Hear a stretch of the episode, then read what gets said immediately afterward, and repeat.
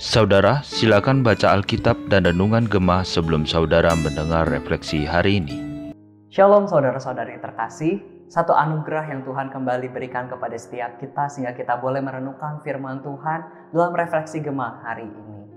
Mari untuk mengawalinya kita kembali teduhkan hati, kita bersama bersatu di dalam doa. Bapa kami yang di surga, kami sungguh bersyukur anugerah demi anugerah kami saksikan dalam langkah perjalanan kami. Hingga pada saat ini kami boleh punya waktu yang berharga untuk boleh kembali merenungkan firman-Mu dan kembali boleh disapa oleh firman-Mu. Pimpinlah kami, tuntunlah kami. Biarlah pada momen perenungan ini kami boleh kembali disegarkan melalui firman-Mu. Terima kasih ya Tuhan. Dalam nama anak Yesus Kristus kami bersyukur dan berdoa. Amin. Bapak Ibu Saudara terkasih, perenungan gemah hari ini terambil dari Wahyu pasal yang keempat dengan sebuah tema di hadapan hadirat Allah.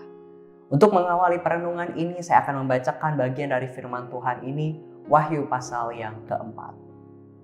Kemudian daripada itu aku melihat, sesungguhnya sebuah pintu terbuka di sorga, dan suara yang dahulu telah kudengar berkata kepadaku seperti bunyi sangka kala, katanya, Naiklah kemari dan aku akan menunjukkan kepadamu apa yang harus terjadi sesudah ini. Segera aku dikuasai oleh roh dan lihatlah sebuah tahta terdiri di sorga dan di tahta itu duduk seorang. Dan dia yang duduk di tahta itu nampaknya bagaikan permata yaspis dan permata sardis dan suatu pelangi melingkungi tahta itu gilang gemilang bagaikan zamrud rupanya. Dan sekeliling tahta itu ada 24 tahta. Dan di tahta-tahta itu duduk 24 tua-tua yang memakai pakaian putih dan mahkota emas di kepala mereka. Dan dari tahta itu keluar kilat dan bunyi guruh yang menderu. Dan tujuh obor menyala-nyala di hadapan tahta itu. Itulah ketujuh roh Allah. Dan di hadapan tahta itu ada lautan kaca bagaikan kristal. Di tengah-tengah tahta itu dan di sekelilingnya ada empat makhluk penuh dengan mata di sebelah muka dan di sebelah belakang. Adapun makhluk yang pertama sama seperti singa, dan makhluk yang kedua sama seperti anak lembu, dan makhluk yang ketiga mempunyai muka seperti muka manusia, dan makhluk yang keempat sama seperti burung nasar yang sedang terbang.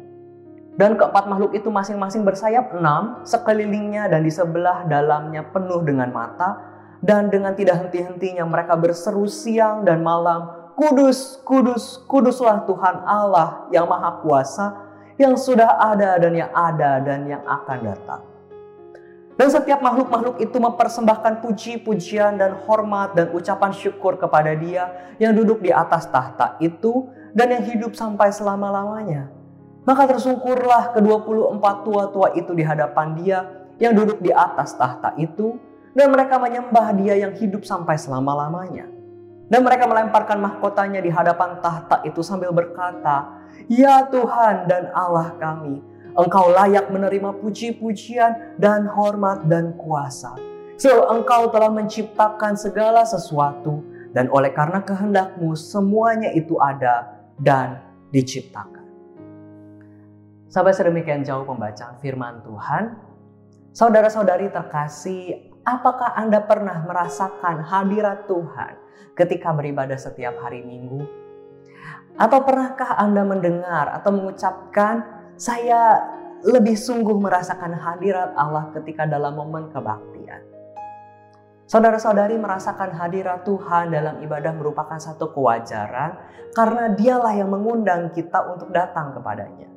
Dalam ibadah kita, kita merasakan hadirat Tuhan di saat dia, sang pemilik ibadah itu menyapa umatnya lewat firman yang disampaikan oleh hamba Tuhan dan kita memuliakan dia lewat pujian dan doa.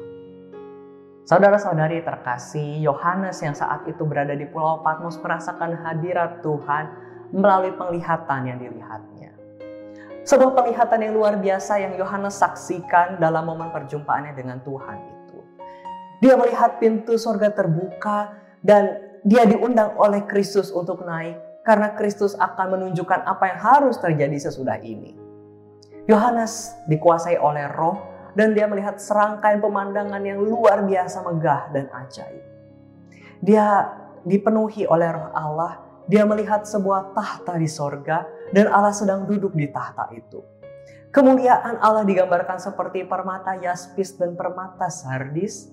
Kemudian pelangi seperti zamrud melingkungi tahta itu.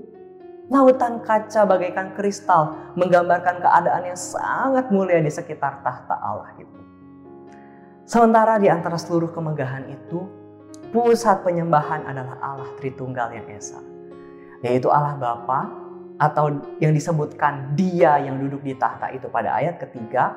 Kemudian Yesus Kristus atau yang disebut singa dari Yehuda, tunas Daud, anak domba dalam pasal 5 ayat 5 sampai 7 dan Roh Kudus atau ketujuh roh Allah yang disebutkan di ayat yang kelima.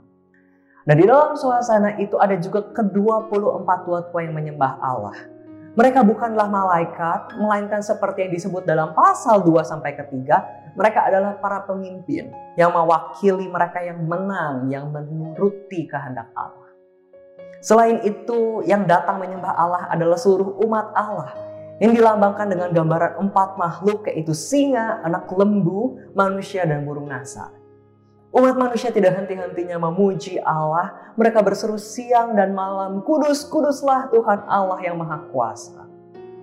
Dan satu lagi penggambaran yang indah, setiap kali umat mempersembahkan puji-pujian mereka dan hormat dan ucapan syukur kepada Allah, ke-24 tua-tua itu tersungkur dan menyembah Allah.